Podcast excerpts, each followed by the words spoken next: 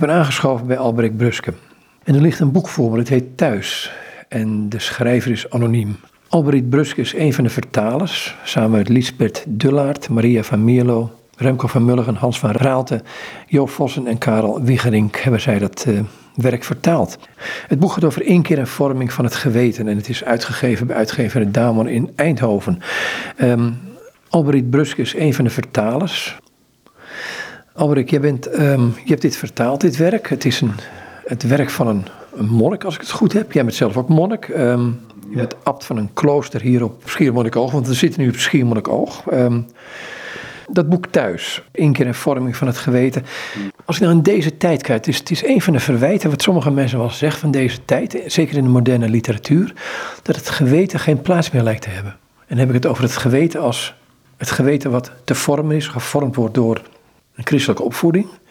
Eh, want dat kan ook door hele andere dingen gevormd worden natuurlijk. Um, en dan ga ik beginnen met een uh, citaat van Philo van Alexandria. En die zegt op een gegeven moment... Um, de mens is op de zesde dag geschapen, want God heeft ervoor gezorgd dat de wereld eerst versierd werd waar hij in kon leven. Dat vond ik een hele aangename. Um, nu naar dit boek toe, thuis. Het geweten. Ik kan ook vragen, ja, wat is het geweten? Want dat is de hamvraag natuurlijk. Moeilijk op zich. Nou, het geweten is, is een. Dat staat inderdaad op de voorpagina. Thuis, inkeer. En, dan moet je bij zeggen, de vorming van het geweten. Dus alleen de ondertitel maakt al duidelijk dat het geweten niet uh, een soort van universeel stemmetje is. Misschien ook wel ergens. Die, dat stemmetje bestaat trouwens ook, denk ik persoonlijk. Maar toch, als wij het tegenwoordig over geweten hebben, dan is het een soort van, ja, mijn geweten zegt. En dan is het een soort van einde discussie, want ja. Uh, dat geweten is een soort van innerlijke autoriteit en dat is de waarheid enzovoorts. Dat is eigenlijk niet wat hier bedoeld wordt. Het is niet zo makkelijk om dat in, in te onderscheiden en woorden te geven. Maar ik zou willen vragen om even zeg maar, het, het, het, wat, het, wat het woord geweten oproept, um, even tussen haakjes te zetten. En wat, wat, wat, ja, het geweten dat tegenwoordig is er enorme spraakverwarring over en wordt eigenlijk ook niet meer gebruikt. Maar misschien een goede inleiding is dat als iemand gewetenloos wordt genoemd, ja, dan is iedereen duidelijk van zo wil ik niet zijn. Hè? Um, dus het gewetenloze is misschien een betere inleiding om te gaan kijken van, ja, wat is dat dan?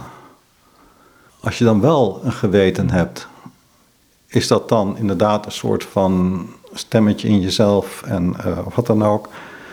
Nee, hè? dus het, het, het um, ga eerst van die gewetenloosheid uit. Dus dat is iets wat niemand wil. Althans, een gewetenloos mens, daar, daar wil je toch niet graag mee samenleven. Je wil ook niet zo zodanig bekend staan. Uh, een, een, misschien een, een stapsteen tussen vandaag, 21ste eeuw, en ja, het boek is geschreven eigenlijk in een paar eeuwen tijd. Hè. Dat is, ja, wat zal het zijn? Tussen de 11e en de 13e, 14e eeuw zo'n beetje. Is het ontstaan. Hè? Uh, het, is, het is eigenlijk een, een anoniem geschrift waar, waar verschillende handen aan hebben gewerkt en wat gewoon rond is gegaan. En uiteindelijk is er wel een soort van uh, ja, tekst ontstaan die min of meer um, ja, algemeen werd. Maar het is eigenlijk juist een, een, een, een tekst waar vele handen aan gewerkt hebben. En waardoor het eigenlijk niet zo heel persoonlijk wordt. Het, het wordt als het ware een, een, heel algemeen menselijk iets. Want ook in de 11e en 12e, 13e eeuw uh, was het zo dat om de 10, 20 jaar was er ook weer een hele zeg maar, verschuiving van wat in de mode was en wat. Het, het, het, is niet alleen bij ons zo, hè, dat je om de tien jaar weer een ander modewoord hebt. Of nou, na vijf jaar hebben we al. Tegenwoordig gaat het heel snel trouwens met de modewoorden. Dus het, het, het is geen modieus geschrift. Het is een, een, een, schrift wat als het ware door, ja, door die eeuwen lang heen uh, aan gewerkt is. En, en waar iets bijna algemeen menselijks wordt verwoord. Een, een stapsteen uh, kan zijn uh, wat er in het boek De Broers Karamazov staat. Een werk van Dostoevsky uit de 19e eeuw, als ik het goed heb. En daar komen een aantal mensen bij een, een starets, een soort van ja, wijze man in een klooster. Een soort van kluizenaar die ook raadgever is voor de mensen. En ze vragen van, wat moet ik doen om het eeuwige leven te winnen? En dan zegt de starets, u weet zelf heel goed wat u moet doen. U heeft verstand genoeg. En dan noemt hij zo wat ondeugden op en wat je niet moet doen en wel moet doen. Eigenlijk heel voor de hand liggend. En dan zegt hij, daar gaat het nu om, het voornaamste is dat u niet liegt tegenover uzelf. Dat is eigenlijk de kern waar het om gaat in het boek Thuis, het innerlijk huis. Het voornaamste is dat u niet liegt tegenover uzelf. Dus in het boek waar we het nu over gaan hebben, over thuis, de domus noemden we het altijd toen we eraan bezig waren. Daar gaat het eigenlijk precies om ja, dat hele kwetsbare punt eigenlijk. Hè. Het, het, het, lijkt heel vanzelfsprekend, het is ook heel vanzelfsprekend. Maar het is ook iets waar je heel makkelijk toch aan voorbij gaat. Dat namelijk dat jij zelf je eigen waarheid onder ogen komt als je even stilstaat bij jezelf. En daarin merk je ook al heel snel dat je daar een vorming in nodig hebt, omdat je, wanneer je stilstaat bij jezelf, dat je dan ook eerst een heleboel onrust tegenkomt. Is het misschien slim om, of wijs om de inleiding, een stukje uit de inleiding te lezen, om gewoon even te kijken waar hij heen gaat met dit boek? Ja, dus hij opent met een nogal dramatisch beeld. Plomp verloren.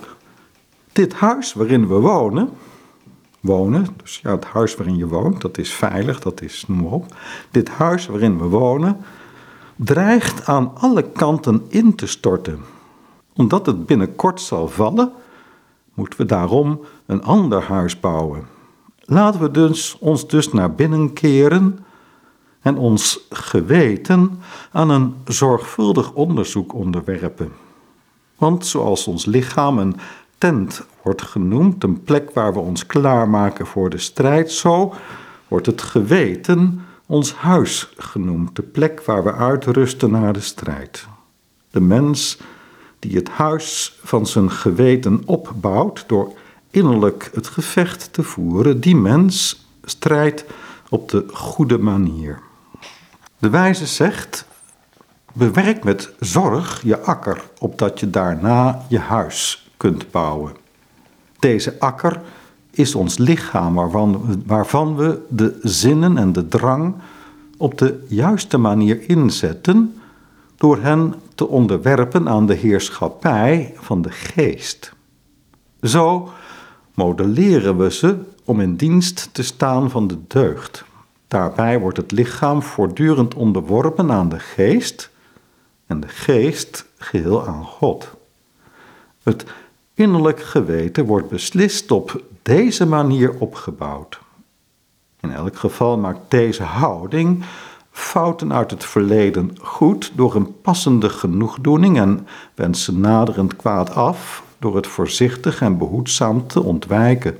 Een passende genoegdoening betekent slechte daden te corrigeren en niet terug te vallen in wat reeds gecorrigeerd was. En dan komt er een helder zinnetje. Het geweten is werkelijk altijd durend en kent geen einde. Dit laat al zien dat het op een bepaald niveau gaat. Hè? Dus dit is taal die ook voor de ziel gebruikt. Het geweten is altijd durend en kent geen einde. Hetzelfde geldt, zegt hij ook uitdrukkelijk, voor de ziel. Aangezien ze onsterfelijk is, kan het niet zo zijn dat ze niet bestaat, noch dat ze bestaat zonder geweten. Want het geweten is namelijk voor iedereen een en al glorie, dan wel totale verwarring, afhankelijk van de kwaliteit die ze heeft opgeslagen. En dit is de inleiding. En hier gaat het boek over. Dit is het inleiding van het boek en, en uh, het is, ja, ik weet niet of het makkelijk is als je zo deze woorden hoort om daar iets van te maken. Er wordt nogal wat gezegd, hè? Een heleboel verschillende dingen bij elkaar. Het is wel een, een palet van alles wat er aan, aan de orde komt in het boek. Belangrijk is dat het geweten iets is op het niveau van de ziel. Daarin waar je in waarheid voor God staat. En dat je zo als het ware je leven ordent. God en dan ja, de geest en dan het lichaam. En uiteraard is dat lichaam en geest één geheel. Het is heel duidelijk wat hij met dat lichaam en die geest bedoelt. Hè. Is, het is niet een dualiteit of zo, het is meer een aspect. Daarin is het geweten als het ware ja, het vermogen om, om te zien hoe de toestand van binnen werkelijk is. En hier komt weer wat ik net noemde van Starets uh, Zosima. Uh, de neiging is nogal sterk om die ogen van het geweten te sluiten. Om zeg maar, de toestand waarin je werkelijk verkeert, om je daarvoor af te sluiten. Dat is vele malen aangenamer dan werkelijk aan te kijken hoe is het nu eigenlijk. Is dat het beeld wat je ook graag naar buiten wil brengen? Dat beeld van, uh, hij zegt je moet niet liegen tegen je geweten of tegen jezelf. Ja. Maar het wel liegen, dat heeft vaak te maken, heeft het te maken met het feit dat je gewoon een beeld dat mensen je op een bepaalde manier zien. Ja, dat is eigenlijk een, ja, een soort van gevolg ervan. Het, het ligt, nog, uh, ligt nog meer innerlijk als het ware. Hè? Dus uh, wat er ook hier wordt gezegd, aankijken van hoe je werkelijk ervoor staat, dat is iets wat niet aangenaam is. Dat is iets waar je eigenlijk liever niet naar kijkt. Terwijl het wel is ja, hoe God je ziet als het ware. En uiteraard, het heeft te maken met een soort van contrast met hoe je naar buiten bent en wat andere mensen van je denken enzovoorts. Maar het begint bij dat je eigenlijk liegt tegenover jezelf door te ontkennen wat je werkelijk kunt zien van binnen. Het ontkennen en daarna eigenlijk ook een eigen verhaal daarover te maken. Dus het, is, het, het, het, en, daarna komt natuurlijk het hele sociale gebeuren en noem maar op. En sociale gebeuren heeft natuurlijk een invloed op, op hoe je innerlijk in elkaar zit. Dat is één, één kluwe. Maar hij pakt als het ware de keutel bij het schone eind, zoals wij dat thuis zeiden. Door, uh, je kunt over die socialiteit gaan praten en over je beeld naar buiten en fariseer zijn enzovoorts. Maar ga eerst maar daar naar binnen toe en kijk je eigen realiteit aan. Dat is iets wat wel aanspreekt bij mensen van tegenwoordig. Je eigen realiteit aankijken. En iedereen snapt drommels goed wat daarmee bedoeld wordt. En iedereen weet dat dat iets is waar je ja, als een kat om de hete brei het liefst omheen loopt. Toch. Uh, terwijl je ook weet van ja, maar eigenlijk, ja, hier moet ik mee aan de slag. Hier kan, als, hier kan ik in ieder geval niet omheen. Uh, wat, wat, wat is die hete brei? Hete brei is ja, dat je in jezelf je toch telkens laat leiden door ditjes en datjes.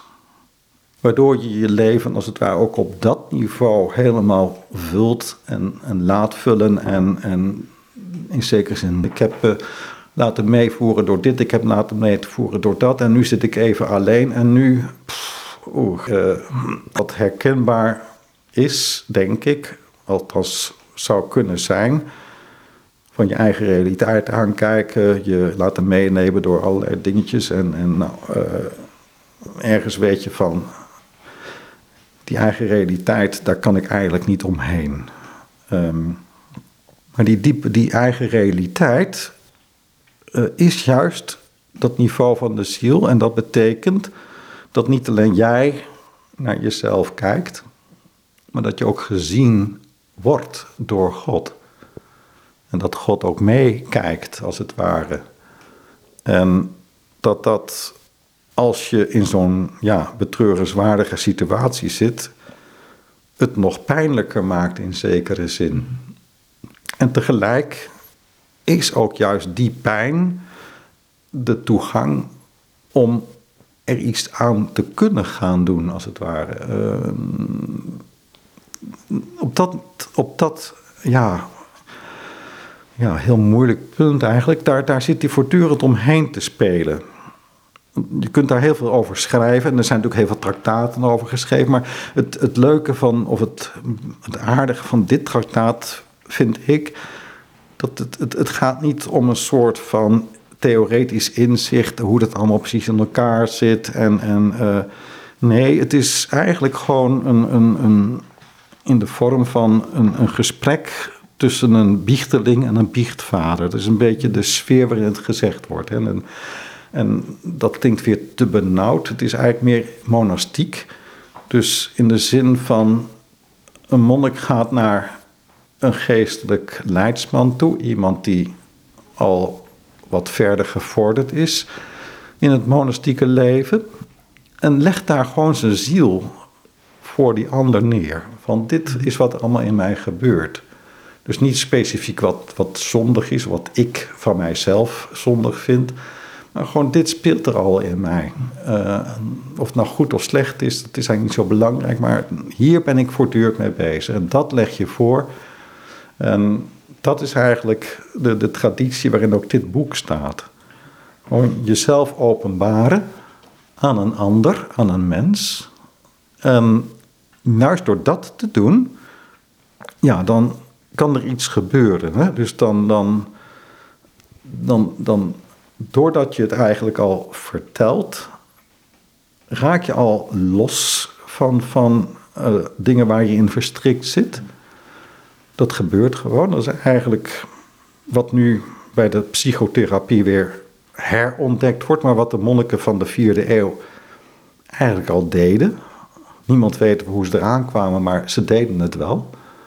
En ze zeggen het ook met zoveel woorden. Van, uh, door het te zeggen, door het te openbaren, maak je je al los van. van hè, dus in die traditie staat het boek en, en hij gaat enorm in op, op al die ellende die je als het ware bij jezelf tegen kan komen.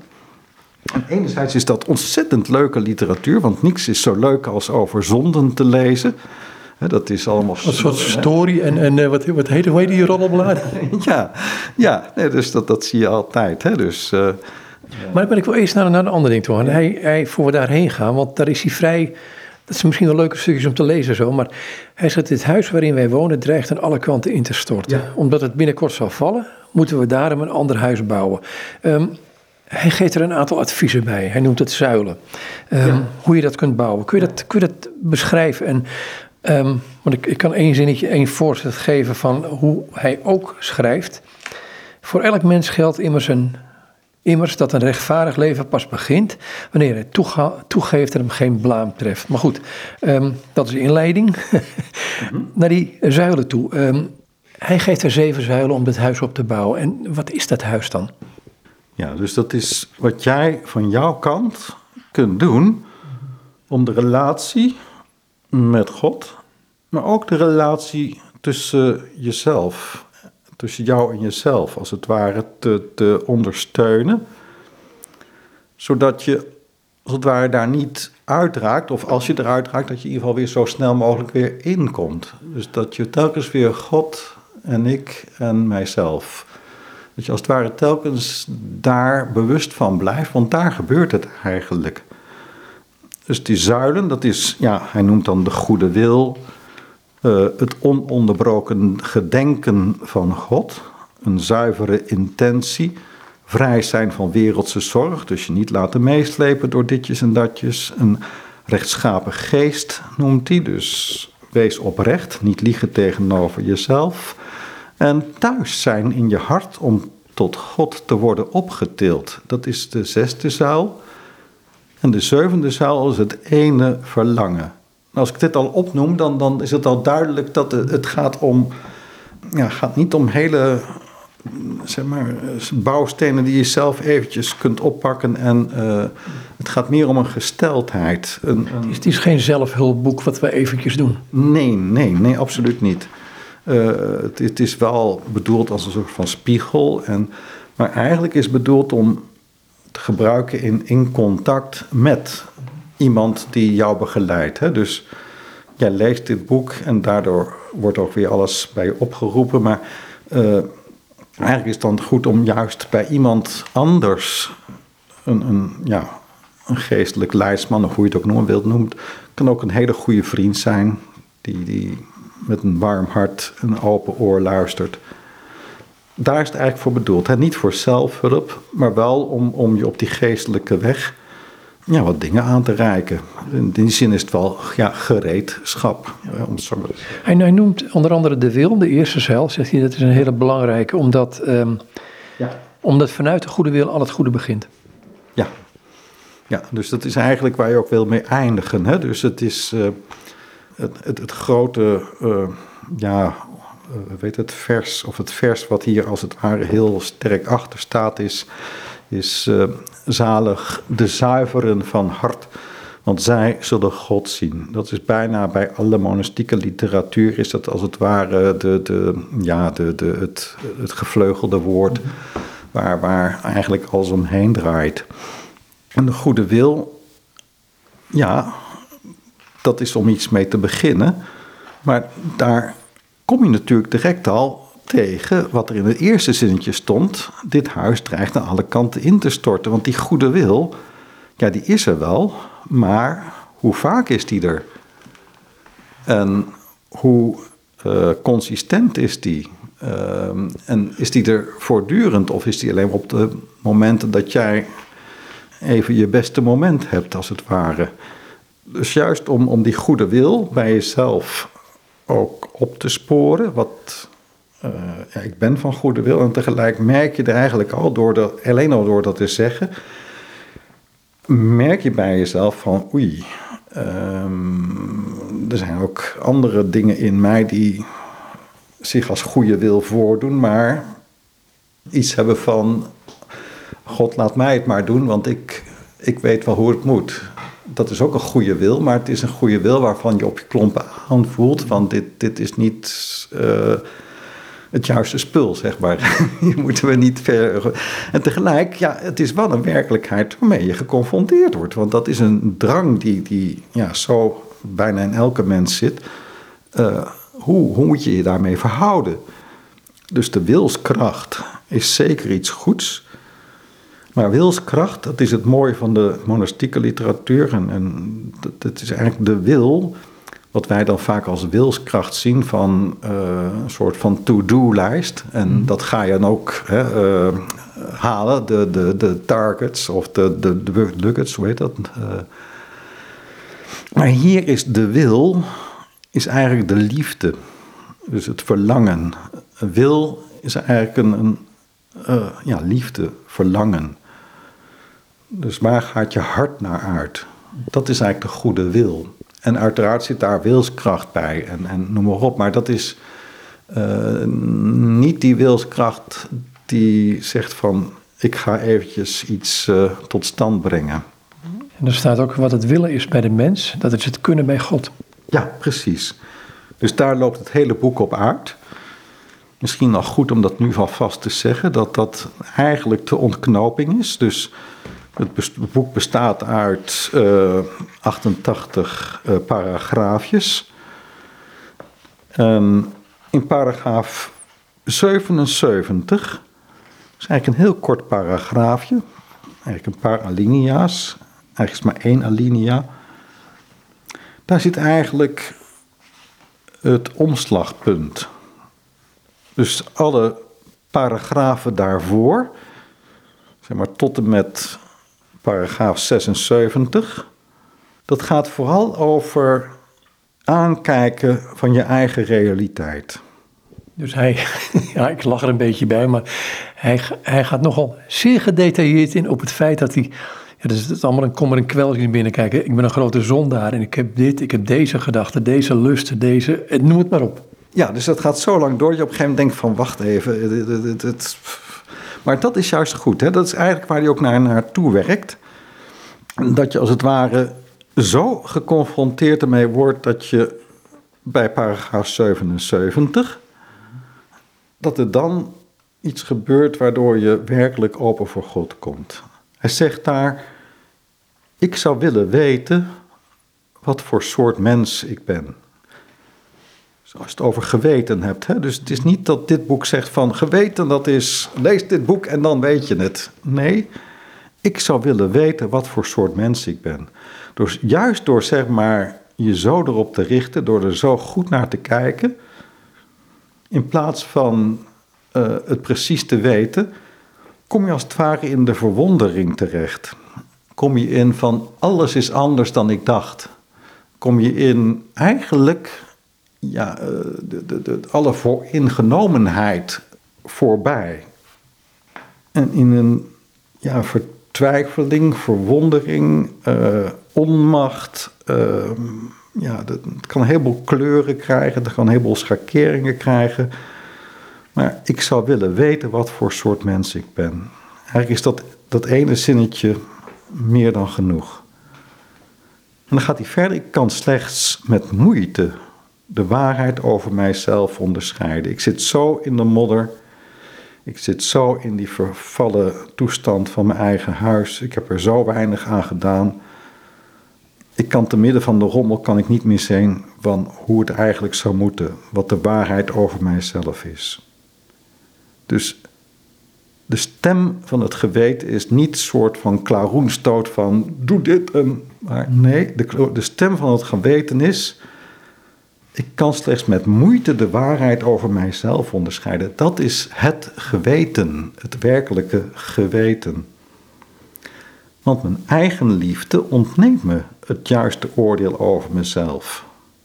Dus het geweten is juist het, het niet weten.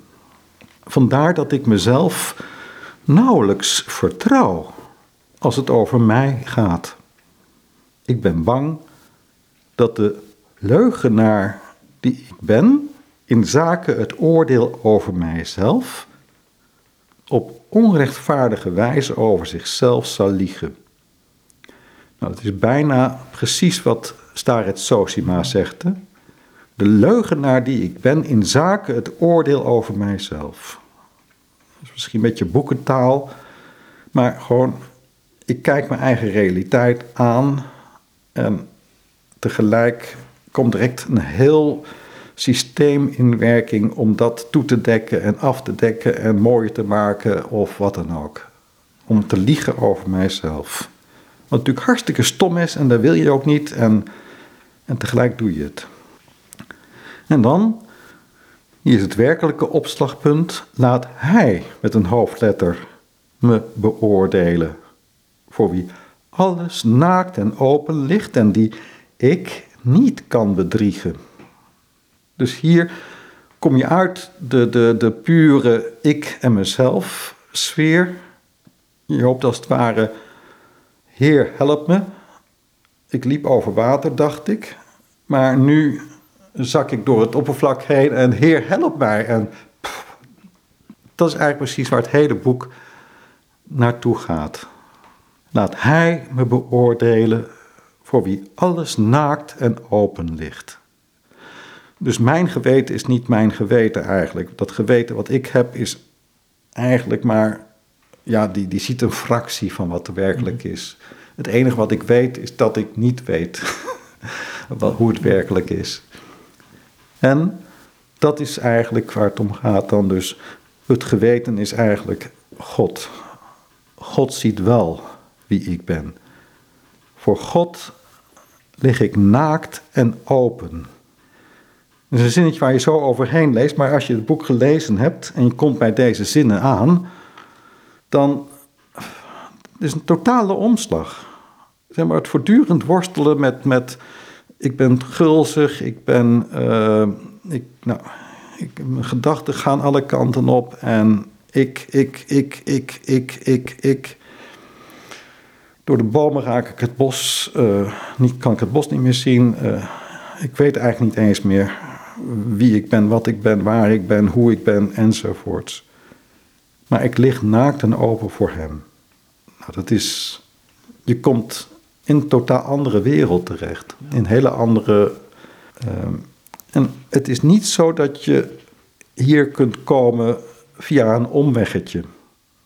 Soms zijn er momenten dat dat gebeurt. Hè? Dat je inderdaad voelt van ik lig naakt en open voor God. Mm. Dat is zomaar, dat, dat overvalt je nu en, en, en soms. En dan, nou, dan hoef je niks voor te doen, zeg maar. Maar om werkelijk die weg te gaan, om dan ook aan die ervaring recht te doen, is het toch telkens weer die weg van het aankijken van je realiteit aan nodig. Om dan werkelijk tot, tot, tot het besef te komen van, voor Hem lig ik naakt en open en ik kan God niet bedriegen. Omdat Hij overal is en ik kan Hem ook niet omkopen, omdat Hij rechtvaardigheid is. Ook zo schitterend, hè? want ja, met jezelf valt nog te marchanderen. Hè? Uh, nu even niet, uh, maar straks zal ik eraan gaan werken. Dat is marchanderen, hè? jezelf omkopen eigenlijk. Er gebeurt iets en je ziet, je krijgt een blik in jezelf en je denkt van, oeh, wacht even. Is dit hoe ik ben? Uh, is dit hoe de situatie van binnen is? En dan, uh, jawel, maar wacht even, uh, morgen ga ik daar tijd voor nemen. Nou, dan weet je eigenlijk al dat je jezelf verkocht hebt aan, aan de leugen. Maar kun je ook te veel nadruk leggen van ik ben maar een zondaar. In plaats van wat Paulus zegt, wij zijn heiligen. Dan zet je gewoon je focus, maar het maar op dat, dat zondige verkeer. Kijk, ik snap dat je uit jezelf kun je niet bij God komen. Uit jezelf kun je is er weinig wat, wat goed is. Misschien wel helemaal niets, dat weet ik niet. Maar zit het daar ook in? Ja, dat is, ik ben een zondaar dan. Kijk, als je het zo zegt, dan, dan dan proef je direct al dat je in een soort van, bijna een soort van ideologie zit. Er wordt van mij verondersteld dat ik een etiket op mijzelf plak dat ik een zondaar ben. Ik ken iemand uit de reformatorische traditie die heel dramatisch vertelde dat hij als jongetje op een stoel geklommen is om in de spiegel te kijken. Hij heeft zijn mond open gedaan om te kijken of hij van binnen werkelijk zwart was. Ehm, dat is eigenlijk iets, zeg maar, dan, ik ben een zondaar. Dus zeg maar, dan, je voelt als het ware de zwaarte en ook, je voelt ook, dit is een leugen. Een, een afschuwelijke leugen. Het is zelfs, ehm, nou ja, ik zou er bijna kwaad om worden, zeg maar.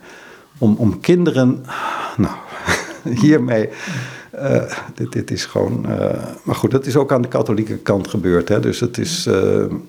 Tegelijk, ik moet zeggen dat uh, ja, wat ik uit mijn kindertijd heb, is uh, het versje wat ik s'avonds op moest zeggen. Dat was: Kindje Jezus klein, houd mijn hartje rein, laat toch nimmer toe dat ik zonde doe.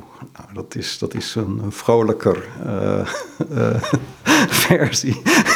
maar het gaat om hetzelfde toch eigenlijk. Het gaat om, om ja. Maar goed, ik, tegelijk dat zwarte gevoel, dat ken ik ook heel goed. Uh, het is ook een, eigenlijk een, een, Ik ben er eigenlijk van bevrijd toen ik op een gegeven moment las over diakonessen van uh, Versailles, ook zeg maar protestantse zusters, zeg maar. Mm -hmm. Die hadden het over de passion sombre. Zeg maar juist dat zwelgen in die, in die zondigheid. Hè? En, en oh, wat ben ik slecht. Ik ben te slecht om voor de varkens gekookt te worden. En ook dat werkelijk zo voelen. Hè? Dus het niet. En, maar eigenlijk is dat een, een passie, een, een, een, ja, een passion sombre, een, een, een, ja, iets. Wij zouden het waarschijnlijk depressie noemen vandaag de dag. En het is eigenlijk, je ontwijkt, heel, heel paradoxaal, maar juist door zo naar jezelf te kijken, ontwijk je hoe je werkelijk bent. En dat is waar hij telkens in zijn boek telkens weer teruggaat. Ontwaak en, en bewaak je hart en, en kijk naar wat er is. Niet waarvan je uh, iets wat je zou moeten gaan zien of wat dan ook, maar kijk hoe de toestand is. En, en ja, die zondigheid en heiligheid, dat, dat, dat vloeit in elkaar over. Als je werkelijk open naar jezelf kijkt en werkelijk ziet van, uh, nou ook zo passion sombre. Hè? Op het moment dat je ziet van, ik was zo heilig bezig om, om zeg maar, mezelf zo als zondaar te zien. En ehm, ja, dat ik ook uh, niet in de hemel kan komen, dat ik in de hel terecht kom enzovoorts. Um, nou, uh, godsdienstiger kan dat niet, zeg maar. Um, en als je dan ziet van eigenlijk is dit gewoon een, een soort van ja, stomme passie. Een, een, passie die je, nou je kunt beter een andere passie hebben, die wat prettiger is, zeg maar. Maar eigenlijk is het gewoon even egoïstisch, egocentrisch of wat dan ook, of hoe je het ook noemen wilt. Maar het, het, het heeft echt niks met God te maken. En op het moment dat je dat voelt, dat, dat, dat heb ik ook meegemaakt, dat dat wegviel en dan, ja, dan gaat er een gordijn open. En dan, dan wordt de echte zonde als het ware duidelijk, dat je je daarin hebt laten meetrekken.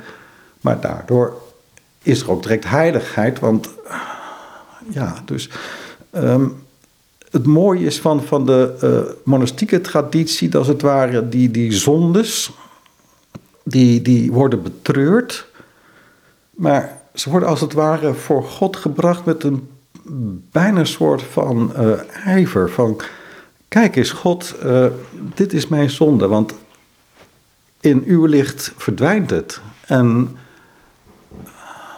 ieder dat is je hoop. Um, het is, het is een eigen tijdse verwoording is, is dat, ja, ik, ik vind niet helemaal mijn beeld, maar het is wel misschien aansprekend wat Etty Hillesum zegt, hè, dat God als het ware in een put zit in mij en dat die put vol met stenen ligt en ik moet als het ware die stenen uh, eruit halen, zodat, nou, um, ja, dat, dat, dat, blijf ik een mooi beeld vinden, maar ja, goed, uh, het is niet mijn beeld, zeg maar. Maar het, het, het, het heeft wel hier iets mee te maken. Het, het is die zonde die uh, breng je niet naar boven om, om, weet ik van wat, omdat het een soort van doctrine is, of omdat je uh, eigenlijk een soort van ja, genoegen, een duister genoegen in vindt, of weet ik veel wat. Het is er om God. En, en juist als de weg voor God vrijkomt, ja, dan is er heiligheid. Niet omdat je iets doet wat, wat, wat uh, hè, waar je zegt van, dat is even tof, dat is even goed. Dat is niet heiligheid. Heiligheid is dat God zijn gang kan gaan in jou. Door jou heen straalt. Ja. ja, en dat je daar gewoon ruimte aan geeft. En dat je daar... En de, de rommel en het, het, het huis wat in elkaar valt, dat, dat is juist dat je dat ja, geen dat je God eigenlijk niet toelaat. Uh. Nou zegt hij ook op een gegeven moment in die, dat stuk waar hij nogal moeilijk over zichzelf doet, dat ik het zo moet zeggen. Dus al die dingen naar voren brengt, ik zeg het zo. Maar um, zegt hij, ja, het berouw moet wel echt berouw zijn. En dan krijg ik ook de kriebels bij en denk ik, ja, wat bedoel je nou eigenlijk? Want ja. hoe weet je nou wanneer berouw berouw is? Want als ik dit lees, wat je net leest, denk ik, ja, dit is een soort van, ja, eigenlijk in een, in een bodemloze put laten vallen die God is. Ja, ja. Ja, berouw moet echt berouw zijn in de zin van, van uh, de pijn voelen van het je eigen realiteit aankijken. Dat is berouw, zeg maar. De, de, de, ik, ik gebruik vaak het woord rouwmoed. Dat is een woord wat niemand meer gebruikt, maar ik, ik vind het een prachtig woord. De moed om, om dit aan te kijken, uh, om te rouwen eigenlijk. Het is eigenlijk een soort van rouw, omdat je er sterft iets in jezelf. Enerzijds door de zonde uh, sterft er iets in jezelf, want het, ja, de heiligheid, de, Gods kracht ontneem je als het ware. De mogelijkheid om, om dat God in jou kan zijn wie God is. Uh, en anderzijds, uh, het is ook een rouw en, om, om, om werkelijk ook iets te laten los te laten. Hè? Het blijft pijn doen. Uh, ook de, de, de zonde waar je dus denkt van, het is goed dat ik hem kwijt ben. Maar ook die passion sombre bijvoorbeeld, hè, daar kun je echt soms denken van, oh, moet, je echt, moet je echt om rouwen om die los te laten. Want het was echt best wel, uh, het gaf iets wat je, ja. Maar goed, het betekent ook in wezen um, dat um, er is maar één persoon die zich bewust is van mijn berouw. Dat ben ik zelf. En nooit een ander. Exact. Dus dat, dat berouw echt is, wil zeggen van. Uh, is die pijn zuiver, als het ware? Hè? Uh, of is het alleen maar een, een, een soort van uh, ja, gekwetstheid van, van ik ben niet zoals ik zou moeten zijn of zo? Ik heb gefaald als christen. Ja, ik zou eigenlijk zus moeten zijn, ik zou eigenlijk zo moeten zijn. Dat, dat is allemaal ja, gedoe. Dus tekst verder lezen, want dit, dit, dit, dit spreekt wel aan. Ja, dus laat hij met een hoofdletter tot mij komen die ervan geniet om bij de mensenkinderen te zijn. Kijk, het is een hele andere taal. Maar als het ware je hart moet omgeschoffeld worden. Alle dissels en dorens, alle stenen, uh, noem maar op. Uh, je moet als het ware die akker worden. Hè? Uh, voordat je dit zinnetje werkelijk kunt laten. Dat er echt een vruchtbare aarde wordt. Nog in, in allerlei zorgen van de wereld zit, maar om het zo maar te zeggen in bijbelse termen, dan kun je niet lezen wat hier staat. Namelijk, laat hij tot mij komen die ervan geniet om bij de mensenkinderen te zijn. Dus Christus die bij mij komt en die ervan geniet om bij mij te zijn. Kijk, na, na zeg maar 76 pagina's paragrafen over zonde, zonde, zonde, zonde. Alles wat er tussen jou en God in staat, opeens dit. Maar het, het, het, het klopt. Het klopt. Het is, uh, het is er allebei. Dat hij tot mij komt die aan de deur staat en klopt, klaar om binnen te gaan als ik hem open zal doen. Nou komt ook dat huis, hè, wat we daar moeten gaan bouwen. En die, die, al die, weet dat, die uh, pilaren die je in het begin hebben had gezien. En noem maar op. Maar laat hij binnentreden en zijn heiligdom wijden. Want hij is heilig en zijn woning hoort zuiver te zijn. Laat hij de ondeugden uitrukken, de gedachten ordenen, het gevoelsleven genezen en het gedrag reguleren. Laat niets hem weerstaan, opdat zijn woning in vrede zijn. Kijk, dus het geploeter wat hier voorkomt is echt nodig. Um, ja, weer dat verhaal bijvoorbeeld van Petrus en nog andere verhalen die er ook perfect bij passen. Maar dat is een heel sprekend verhaal, vind ik. Van Petrus die zegt tegen Jezus: Zeg me dat ik over het water naar u toe kom. Precies wat, wat, wat er in die eerste paragrafen staat. Hè? Zo van: uh, Ik, Petrus. En het is heel goed bedoeld en het is ook werkelijk vertrouwen op Jezus dat hij dat zegt. En het, het, het, het is niet verwerpelijk. Alleen als Petrus in die modus zou blijven, dan zou hij inderdaad het idee krijgen van, nou, uh, kijk eens wat ik kan. Op het moment dat hij dan opeens gaat kijken van, wacht even, al die wind en, en wat, wat sta ik eigenlijk te doen hier? En dat hij dan zingt, dat is eigenlijk het moment waar het om gaat. Maar dan moet hij wel eerst uit de boot stappen en op het water gaan lopen om dit te kunnen ervaren en, en, en om werkelijk volledig je aan God toe te vertrouwen. Ja, misschien is dat wel uiteindelijk waar het om gaat. In ieder geval voor mij is dat een, een, een, een soort van samenvatting. We hebben eens een keertje met een groep hebben we de hele Bijbel gelezen. Dus helemaal van Genesis tot en met Apocalypse hebben we een paar jaar over gedaan. En telkens met studie erbij en, en, en noem maar op. Maar het was heel, echt letterlijk uh, van kaf tot kaf gelezen. En op het laatste hebben we een soort van uh, ja, afsluiting gedaan. En iedereen gaf toen een soort van uh, nou, iets van zijn ervaring weer. En ik heb toen een, een blad papier genomen en, en erop geschreven van vertrouw mij. En mij met een hoofdletter. En gezegd van je moet dit is de Bijbel. En hier moet je niet op stappen en erop gaan staan. Je moet er met beide voeten op springen. Vertrouw mij. Dus als het ware met één sprong erop. En dat je even in het luchtledige zweeft en werkelijk helemaal van, van kop tot teen, helemaal met huid en haar, vertrouw mij. Dat is eigenlijk ja, een korte samenvatting van, van ja, hoe ik de Bijbel ervaar en ook hoe ik eigenlijk dit ook een boek als dit lees. Dat is eigenlijk waar het om gaat. En tegelijk om, om bij dat moment te komen, en om dat ook telkens weer opnieuw, dan moet je weer door die 77 paragrafen die er vooraf gaan, moet telkens weer door de rommel heen, door de modder heen kruipen. Telkens weer uh, de realiteit van jezelf aanzien. Telkens weer de, God, de blik van God niet ontwijken. Want, wat is een voortdurend proces eigenlijk, dit wat je nu beschrijft? Ja. ja, het is niet zo van. Nee, het is een voortdurend proces, elke dag weer. Ja. Dus bij je intreden hier in het klooster was het niet zo van. Uh, nu ben ik er. Ik heb ooit wel eens dit horen vertellen. Iemand die in, in het klooster intrad. Hè? Ik, ik, weet, ik, weet, weet, de naam even niet, maar een karmeliet. Karmelites. Uh, nou, die was helemaal vol van ik ga in het klooster en helemaal in ja. de halleluja stemming. En toen was in het klooster, was het twee, drie dagen. En toen zei ze alleen maar tegen God, God, u heeft mij bedrogen.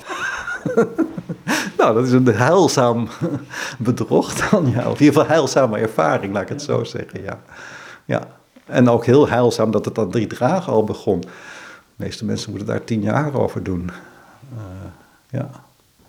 Kunnen nog een stukje lezen. Het, uh, ook nog verder lezen, maar ook, ook een willekeurig nog een stukje naar het einde toe. Want het zijn wel hele mooie.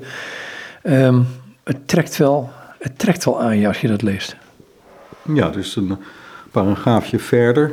Dan kom je als het ware in een andere modus terecht. Hè? En um, het, zijn, uiteindelijk zijn het natuurlijk facetten van een proces. En tegelijk is het heel goed om het op deze manier uh, te beschrijven. Dus hier gaat hij niet meer bezig met al die zondes, maar o mijn ziel, zegt hij.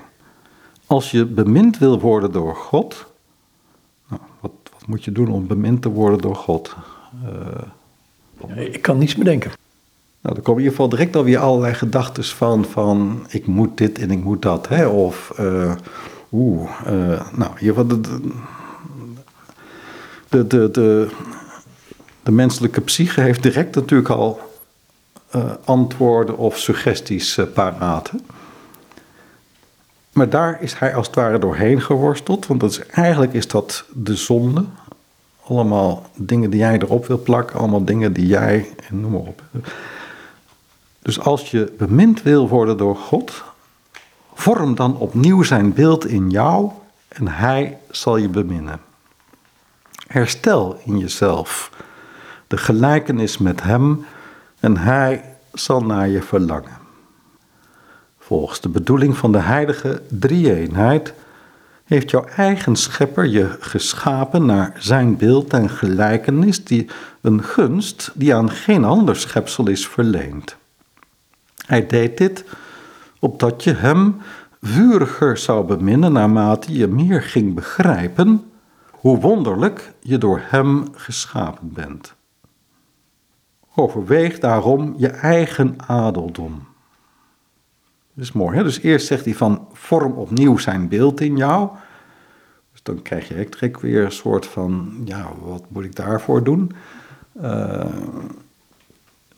wat je moet doen is gewoon je laten verwonderen hoe je door hem geschapen bent. Nou, dat in de verwondering staan van door hem geschapen te zijn. En overweeg je eigen adeldom. Je bent door God geschapen, hè? dus dat is een adeldom die, die onvervreemdbaar is. Je kunt altijd thuiskomen bij Hem. Zoals God overal geheel is, alle dingen levend makend, alle dingen bewegend en besturend, zo ben jij in jouw lichaam overal geheel aanwezig, het levend makend, het bewegend en besturend. Dit is het geweten. Hè? Dus uh, net gezien van het geweten is eigenlijk God zelf, want die heeft werkelijk zicht op wie jij bent. Het geweten is juist ook van als je thuis bent bij God en bij jezelf, als je in de goede ordening staat van God nummer 1 en jij nummer 2, dan ben je in je eigen lichaam overal geheel aanwezig. Dan, dan is dat geweten als het ware, dan, dan ja, een, een, een, een werkelijk bij jezelf zijn. Zoals je werkelijk bent in Gods licht. En zoals God is, leeft en wijs is, zo ben jij. Leef jij en ben jij wijs op jouw manier. Dus het is een glimp van de overkant. Hè? Dus wat er aan de andere kant van dat omslagpunt gebeurt. Eerst zit je in de modder, in de rommel, in, in het vervallen huis, in, in, in een moeras waar je jezelf niet uit kunt optrekken. Maar als je de omslag maakt van Heer, help mij, dan in je hulpeloosheid kom je eigenlijk als het ware bij jezelf. Nou, zo gaat hij nog verder over verstand, geheugen en wil, maar dat gaat te ver nu, denk ik. Paragraafje verder. Zie, jouw waardigheid, edel schepsel, want niet alleen ben je gekenmerkt door Gods beeld, je draagt in jou ook de gelijkenis met Hem. Je bent beeld en gelijkenis, zoals jouw schepper, die jou heeft geschapen naar zijn evenbeeld, liefde is, goed en rechtvaardig, lieflijk en zachtmoedig, geduldig en barmhartig en nog veel meer eigenschappen die hem worden toegeschreven. Zo ben jij geschapen, opdat je de caritas liefde zou mogen bezitten en zuiver en heilig zijn, mooi en gracieus, zachtmoedig en nederig. Zie een prachtig iets, hè? Dus het is niet iets van die deugden, die moet je, uh, ja, je moet natuurlijk je best voor doen, maar uiteindelijk is het gewoon zoals je geschapen bent. En dat is ook een monastiek inzicht, al vanuit de, de allereerste monniken uit de vierde eeuw. Zodra je als het ware de ondeugden hebt uitgetrokken, als een soort van onkruid of wat dan ook, dan komen als het ware vanzelf die deugden naar boven. Dus dat is ook weer een, een, een, in, in, het, in de traditie waarin dit boek staat. Hè? Dus al die 77 paragrafen over zondigheid uh, waren niet bedoeld om erin te zwelgen, maar juist om, om als het ware ruimte te maken zodat de goedheid van God, waarin jij geschapen bent, dat die ook weer mag zijn. Dus hoe meer je deze deugden in je hebt, des te dichter zul je bij God komen en des te groter zal de gelijkenis zijn tussen jou en je maker. Wat had hij sublimer dan dit kunnen doen, dan jou naar zijn gelijkenis te vormen en je te tooien met hetzelfde kleed van deugden als waarmee hij getooid is. Dit is prachtig, hè? want één pagina terug stond er nog: vorm opnieuw zijn beeld in jou en hij zal je beminnen. Dan denk je van, nou, dat is nogal wat.